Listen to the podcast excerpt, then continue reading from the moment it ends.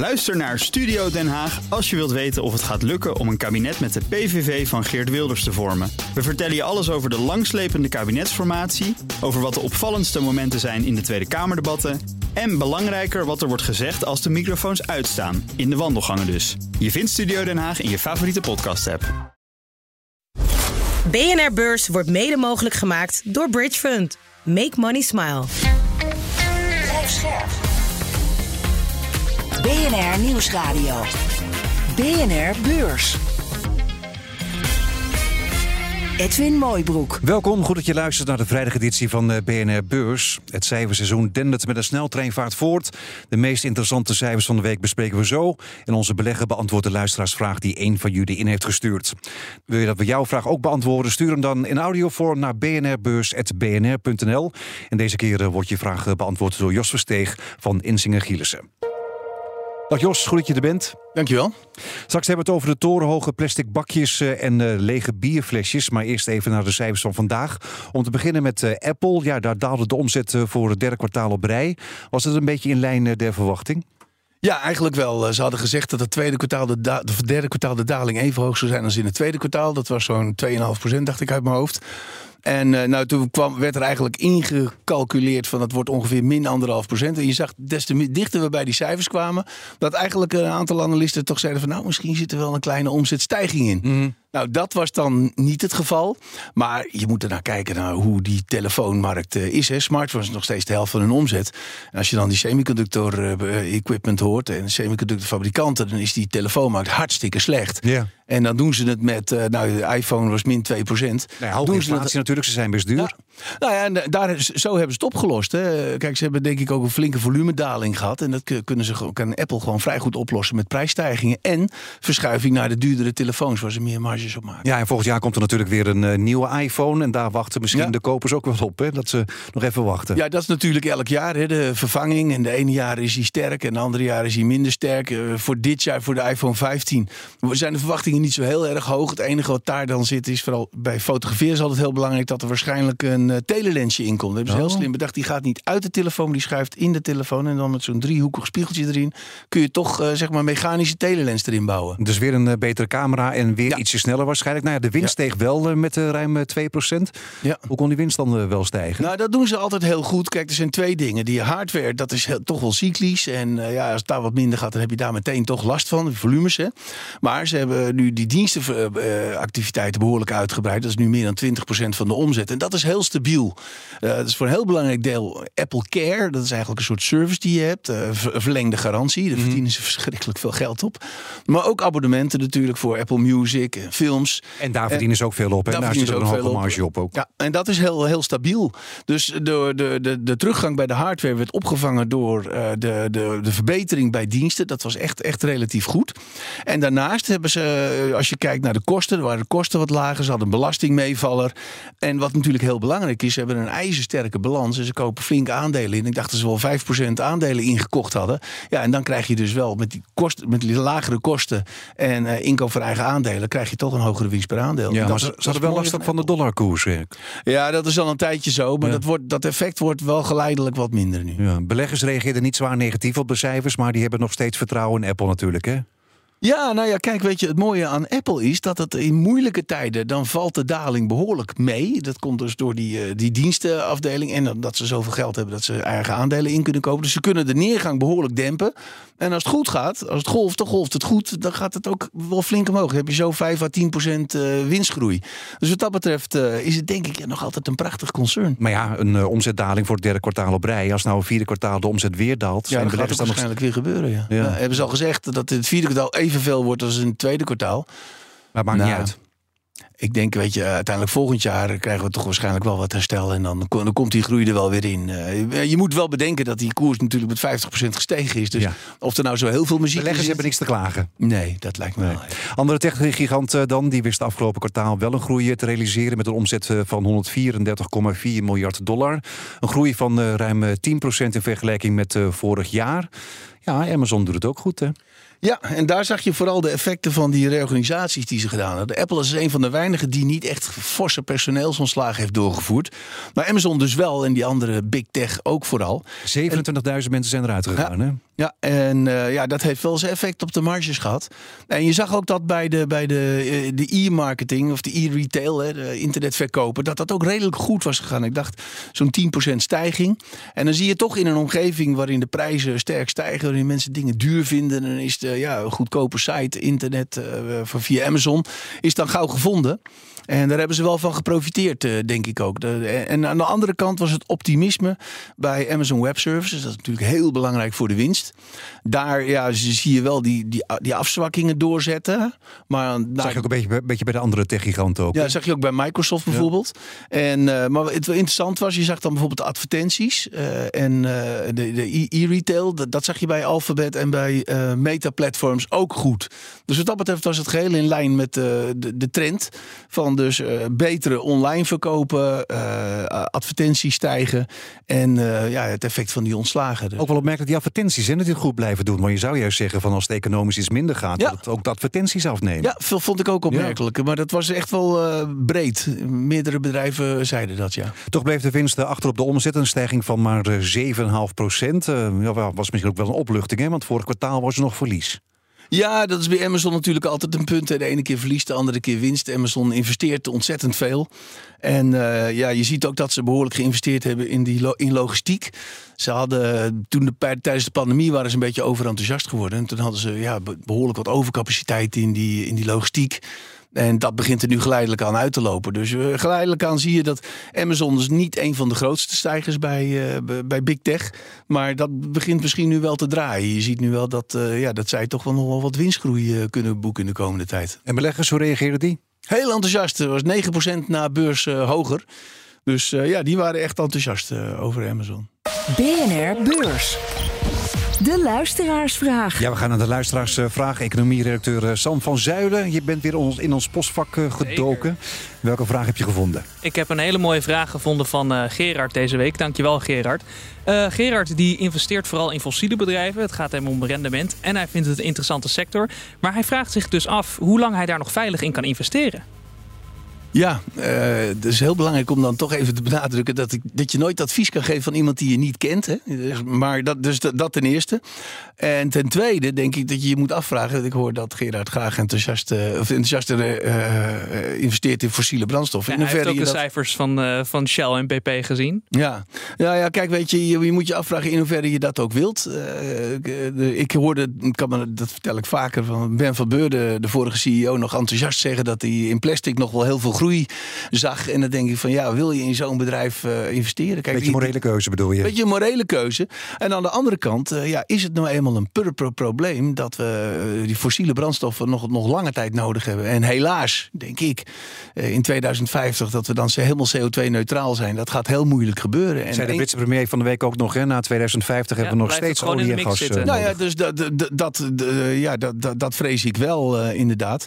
En nog een ander punt is dat heel veel van die fossiele brandstofbedrijven eigenlijk helemaal geen trek hebben om die energietransitie door te voeren. Omdat de rendementen over die, die, die nieuwe activiteit veel lager zijn dan over olie en gas. Olie en gas is eigenlijk, ze hebben me wel eens uitgelegd, gewoon een geldautomaat. Je slaat een, put en daarna komt het geld, de olie eruit stromen die ja. je tegen een mooie prijs kan verkopen. Dus ja, dat is, daar hebben ze eigenlijk helemaal geen trek in. BP, de topman van BP, heeft het begin van het jaar eigenlijk nog niet officieel gezegd, maar wel laten doorklinken van nou, daar hebben we eigenlijk helemaal geen trek in. Dat willen we niet te veel doen. Nou, dankjewel Jos. En uh, Gerard, ook jij heel erg bedankt voor je vraag. Alle anderen blijf die vooral insturen. Dat kan naar bnrbeurs.bnr.nl. En ook deze vrijdag heeft onze gast een beursflop meegenomen. Eentje uit de oude doos. Blijf luisteren. Ja, het was weer een turbulente beursweek. Zo verloor de Verenigde Staten zijn felbegeerde AAA-status. Trust in the United States government repaying its debts is eroding. That's according to credit ratings agency Fitch. Maar er gebeurde meer. Het was de week dat Uber eindelijk eens winst maakte. Oliereus BP zag de winst in het tweede kwartaal met 70% zakken. En ook de week dat alles wat met Barbie te maken had flink omhoog ging op de beurs. En ING zag de winsten bijna verdubbelen. En toch was de topman niet uitgelaten. Nou, voor we terugblikken, Jos, wat was het voor week? Wat was het gevoel? Ja, eigenlijk toch een gevoel van uh, zorg. We hebben natuurlijk vijf maanden, zeker als je naar de S&P 500 kijkt, waar ik zelf heel vaak naar kijk. Flinke stijgingen gehad. En uh, toen kwamen we augustus. Uh, toen werd het toch begon eigenlijk al vrij voorzichtig. Eerst met die, met die, die downgrade van de Amerikaanse staatsschuld van, van Fitch. En vervolgens kreeg je, kreeg je ook de inkoopmanagers die toch echt voor, vooruitkijken. En waarbij je toch zag, zowel in Amerika als in Europa, dat die afzwakking toch echt wel begint door te zetten in het derde kwartaal. Dus ja, steeds denken mensen van nou die recessie komt helemaal niet. Maar als je dan bijvoorbeeld deze week dacht ik dat Powell dat ook nog gezegd heeft van dat die rentestijging dat dat pas nu behoorlijk effect gaat hebben. Het duurt een tijdje hè, voordat Ja. het eh, doorwerkt allemaal. Dus wat dat betreft vond ik het wel een, eh, een, een week van omslag. Eh, dat beleggers misschien wel eens even denken van... nou jongens, het is zo hard gegaan. Misschien moeten we maar eens even voorzichtig zijn. Ja, en het verlies van die AAA-rating hè, van de VS. Hoe, hoe belangrijk is zo'n status eigenlijk? Ja, kijk, het is ook maar een mening, hè. En die, die, die, die rating bureau had agencies... het al veel eerder gedaan, hè? in Ja, 2011 S&P ook al. 500, eh, S&P had- dat in 2011 al gedaan. En toen gaf het een behoorlijk negatief effect. En het was heel leuk. Want toen, toen kreeg je bijna een, een bear market. Ik geloof dat het maar 10, 15 procent onderuit ging. Wat gebeurde er toen? Toen zocht men naar safety, zoals dat dan heette. Wat kochten ze? Amerikaanse staatsobligaties. Oh, ja, ja, ja, ja. Dus wat dat betreft eh, moet je dat met een eh, korreltje zout nemen. Kijken of, of, of Amerika nu de, dezelfde kredietwaardigheid heeft als, als Finland en, en Nieuw-Zeeland. Het is natuurlijk een lachertje. Het is, het is een beetje een politieke waarschuwing. Kijk, eh, dat, het is belachelijk dat Amerika dreigt met een, eh, eh, een faillissement... Of het, of het niet betalen van je, van, van je rente of het niet aflossen van je schulden. Dat, dat is belachelijk. En kijk, mocht het een keer gebeuren, dan, wordt het, ja, dan, is het, dan gaat het om één lening. En dan wordt het Uiteindelijk komt het geld weer toch op- wel. Dan komt het geld toch wel. Dus het is een beetje een fars, vind ik, om, om Amerika minder kredietwaardig te vinden dan dat Nederland bijvoorbeeld, wat gewoon nog een AAA heeft. Maar waarom hebben ze het gedaan dan? Toch, toch om een signaal te geven? Ja, ja, ik denk, ja, net zoals veel andere beleggers, die z- zijn ze denk ik doodziek van dat geëmmer steeds rond die, eh, dat schuldenplafond. En Kijk, Denemarken heeft dat ook. Die heeft ook een schuldenplafond. Mm. Maar die zijn natuurlijk veel kleiner en kwetsbaarder. Dus die hebben gezegd, nou wij zeggen, leggen dat eh, schuldenplafond zo hoog dat we er voorlopig niet bij kunnen.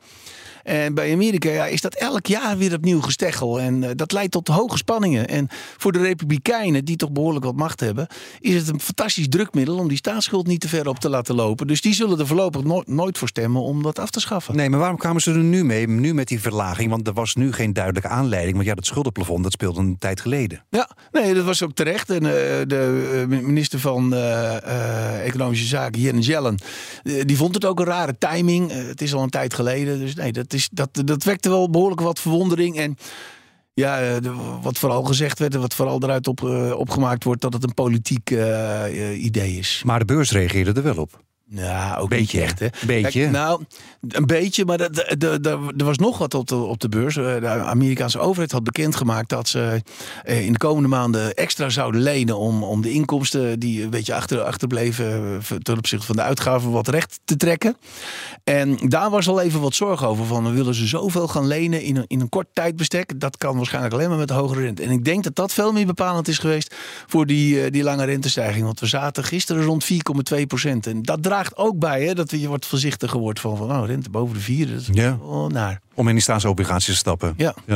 Dan eh, naar het Nederlands bier. Want ja, de halfjaarcijfers van de Heineken die werden maandag eh, gepubliceerd. Viel een beetje tegen, hè? Ja, een beetje. Het was een, eh, echt een waarschuwing van Ja. jongens, eh, we, gaan de winst eh, die we afhankelijk hadden gedacht te halen voor dit jaar niet halen. En ik moet je zeggen, toen ik de eerste kwartaalcijfers zag en toen eh, zag dat zij een prijsverhoging hadden doorgevoerd van 12 procent. Toch best pittig ook natuurlijk. best ook, pittig. En dat hebben veel van die eh, bedrijven gedaan. Hè? Maar, en dan kom je dus natuurlijk eh, voor de keus te staan van ga ik mijn prijzen echt zoveel verhogen om, om echt die, die, die doorgevoerde kosten Mhm. ook door te Alles rekenen. doorberekenen. Ja. Of, of, of, of, laat, of doe ik dat niet? En dan moet ik zeggen dat het eigenlijk wel verstandig is van veel bedrijven. En ik heb dat ook wel van verschillende bedrijven gehoord.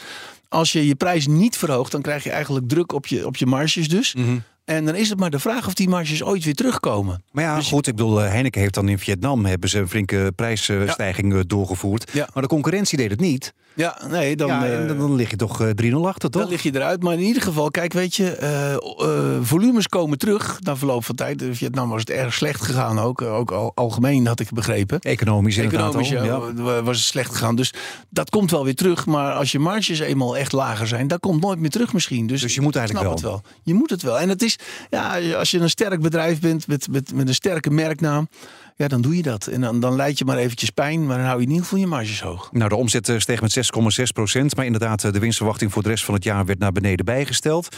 Dat kwam denk ik nog wel als een verrassing, hè? Wat, die winstwaarschuwing? Ja. Ja. ja, Nou, aan de andere kant hadden ze al wel laten doorschemeren dat het in Vietnam niet zo heel goed ging. Maar ja, En daar is Heineken dan toch voor een groot deel van afhankelijk in ja Azië. nou, dat is belangrijk. Ja, zeker Vietnam is een belangrijk land voor, eh, voor Heineken. Want AB InBev, het eh, Belgische bierconcern, deed het veel beter. Hoe kan dat dan weer? Ja, ik, ik zag het gisteren eventjes. Ik heb er niet goed naar gekeken. Ja, ik denk, door China, begreep ik. ja, oh, ja, dat zou kunnen dat ze daar een betere positie hebben. Of dat ze misschien toch minder prijsverhogingen door hebben gevoerd. En misschien wat margedruk hebben geaccepteerd. Ja. Dan een Tupperware. Ben je erin gestapt? Eh, nee, maar ik kan me nog wel In de twee weken- bakjes van vroeger van mijn moeder herinneren. Inderdaad, daar moest ik erg aan denken. Jeugdsentiment. In de twee weken Ja. tijd ben bijna 800% in waarde gestegen. Ja, kijk, weet je, eh, had rond de pandemie hadden ze nog even een, eh, een opgorgeling, zoals, je, zoals dat een beetje onsmakelijk heet. Omdat mensen meer thuis gingen In eten in en een bakje. gingen bewaren. Ja, precies, in een bakje gingen bewaren. Maar daarna hadden ze toch wel echt vele malen gewaarschuwd voor hun eh, ongoing concern. Ik wist niet eens dat het op er stond. Nee, ik ook niet. Maar ze zaten, ze zaten flink in de schulden en het ging buitengewoon slecht. En er was een, behoorlijk grote kans dat ze het niet zouden overleven. En ja, het was eigenlijk weer een terugkeer van die meme-fondsen die we, die we Ja, gehad dit is een hebben. soort eh, GameStop-verhaal eigenlijk ja, ook. Hè? ja, veel mensen waren over short gegaan. En toen, nou, als dan, als dan een, stel mensen georchestreerd. En ik vind het altijd een beetje toch illegaal klinken. Georchestreerd gaan kopen en die koers omhoog schiet. Je moeten die shortstellers worden eigenlijk gedwongen om ook te gaan kopen. Maar ja, dit is een levensgevaarlijk spelletje. Maar ja, dit zullen we nog wel vaker gaan zien. Bij GameStop is het gelukt en nu bij Tupperware bijna 800% in Nou, waarde weet niet of het, of het lukt. Hè. Kijk, je, je moet ook maar weer. Kijk, met, eh, Op juist moment uitstappen de grote natuurlijk redding zou kunnen zijn dat je tegen die hogere koers ook een, een, een, een emissie kan doorvoeren. Maar ja, dat is zeer de vraag of je die echt geplaatst krijgt. Want die krijg je natuurlijk nooit geplaatst bij al die particuliere beleggers. Dus ik vraag me zeer af of, dit, eh, of je het hiermee redt hoor. Ja, is de piek, alweer, de piek alweer voorbij, denk je? Welke piek? Nou, de piek van Tupperware. Wat hebben we- Ja, nou, dat is moeilijk te zeggen. Maar ik zou het, dit is in ieder geval een levensgevaarlijk spelletje. Echt levensgevaarlijk. BNR Beurs. Voor de zomerserie van deze week bespraken we de grootste beursflops. Elke dag eh, bracht de analist een aandeel mee dat genadeloos faalde. Nou, als je het gemist hebt, dan klok zo. Wat voor aandeel heb jij meegenomen? Nicola. Ik heb wederom iets heel exotisch gepakt. Ik wil het graag hebben over Ayondo. Nog Eh, nooit van gehoord. Ik, ik heb een aandeeltje meege- meegenomen, ja, dat heet Upstart. Dat is een aandeel wat 97% gedaald is. Zo. Ze zijn in 2018 naar de, de beurs in Singapore gegaan. Ze hebben 18 miljoen opgehaald. En wat bleek nou het geval? Het, het gros van die opbrengsten hebben ze daarna gelijk aan moeten wenden om eh, leningen af te betalen. Het mooie is dus dat ze destijds naar de beurs zijn gegaan via een SPAC voor een een 10 dollar per eh, aandeel. Mhm. En het aandeel ging in enkele weken tijd, ging het geloof ik richting de 80, 90 eh, dollar per aandeel. Maar destijds ja, hebben ze eigenlijk het publiek eh, misleid. Toen stapten alle beleggers eh, massaal uit en eh, is het aandeel dus min 99% gegaan. Jos, welke flopt aandeel heb jij voor ons meegebracht? Nortel Networks, dat is alweer een tijdje geleden. Dat speelde eh, in de jaren 90. Het bedrijf eh, bestond al heel lang. Eind vorige, eer vorige eeuw zelfs eh, als Canadees telecombedrijf was het groot geworden. 1895. 1895. Heel groot geworden en ineens, net zoals we Blueberry hebben gezien uit Canada, kwam het op. Daarna kwam dus Nortel Network op.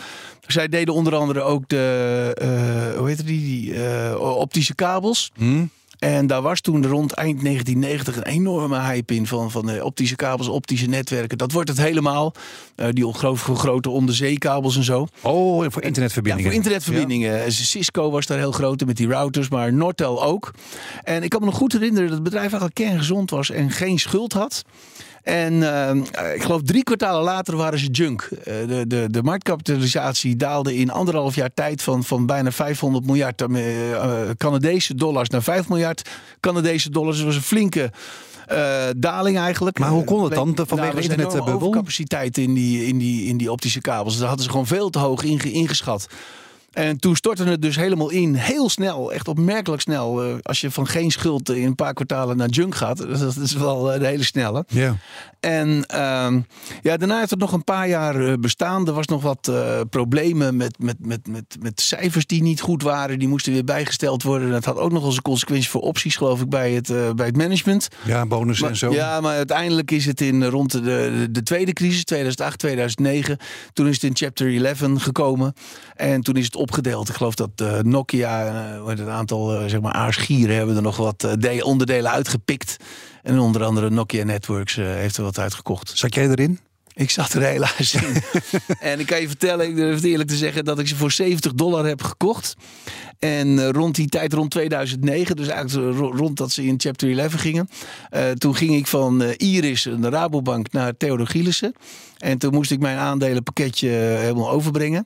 En toen heb ik de aandelen Nortel heb ik weggegeven aan de Rabobank. Want de kosten van de, de administratie waren hoger dan de waarde van mijn aandelen. Oh, serieus? Dus, ja, die aandelen waren nog eh 2 Hou, cent of zo. hou ze maar eigenlijk. Ja, ja, hou ze maar. Ja. Het overschrijven was duurder. Ja, ik kan er nu, nu om lachen, maar toen vond ik het toch beduidend minder leuk. Nou ja, ik kan me voorstellen inderdaad. En zeker omdat je dan eh, hebt geïnvesteerd in zo'n bedrijf waarvan je veel vertrouwen hebt. En denkt van dit wordt de toekomst. En dan valt het ook weer zwaar tegen. Nou, zeker inderdaad. En eh, ja, daar moet je dus altijd mee uitkijken als je in die hype meeloopt. Ik kan me nog wel herinneren dat het management ook een flink aantal aandelen had gekocht. En ik dacht van, nou, als het management het vertrouwt, dan moet het wel goed zitten. Nou, daar heb ik dan voor de rest van mijn leven wel van geleerd van dat ik daar nooit meer naar kijk. Ja, dat is Ja. echt eh, de, wat je ervan geleerd hebt eh, van de, dit debakeltje misschien voor je. Ja, nee, dat viel uiteindelijk achteraf nog wel mee. hè. Ja, 70. Ja, heel mee. Oké, dat was hem eh, bijna. Maar niet voor we vooruitgeblikt hebben op de beursagenda van maandag. En het is de eerste dag van wederom een drukke cijferweek. En die drukke week wordt afgetrapt door PostNL. De postbezorger heeft wat goed te maken, want het eerste kwartaal was matig. Er werden minder pakketten bezorgd en zowel de winst als de omzet gingen onderuit. PostNL had toen ook last van de hogere kosten voor brandstof en personeel. Toch bleef het optimistisch. Het denkt te profiteren van eerdere kostenbesparingen. Ook denkt de postbezorger dat mensen meer gaan bestellen, waardoor er weer meer pakketjes worden bezorgd. Of het bedrijf het bij het juiste eind heeft, komen we op deze dag achter. Ook Saudi Aramco komt met cijfers. De oliemaatschappij uit Saoedi-Arabië heeft vorig jaar een recordwinst geboekt van wel 151,1 miljard euro. Laat dat maar even op je inwerken. Maar ja, dat was toen. Nu komt de ene na de andere oliemaatschappij met teleurstellende cijfers. Denk aan Shell, BP, Exxon en Chevron. De vraag lijkt niet of, maar met hoeveel procent de winst is gedaald. Dat was een bijna. Siemens komt ook nog met cijfers, net als Toshiba. Dat zal binnenkort van de beurs verdwijnen. Dankjewel Sam. Dat was hem dan. Dank dat je er was, Jos Versteeg van uh, Inzinger Gielissen. Tot je dienst. En dan zeggen we tot volgende week. BNR Beurs wordt mede mogelijk gemaakt door Bridge Fund. Make money smile. Ook Thomas van Zeil vind je in de BNR-app. Je kunt live naar mij luisteren in Zaken doen. De BNR-app met breaking news, het laatste zakelijke nieuws... en je vindt er alle BNR-podcasts, bijvoorbeeld Het Nieuwe Geld. Download nu de gratis BNR-app en blijf scherp.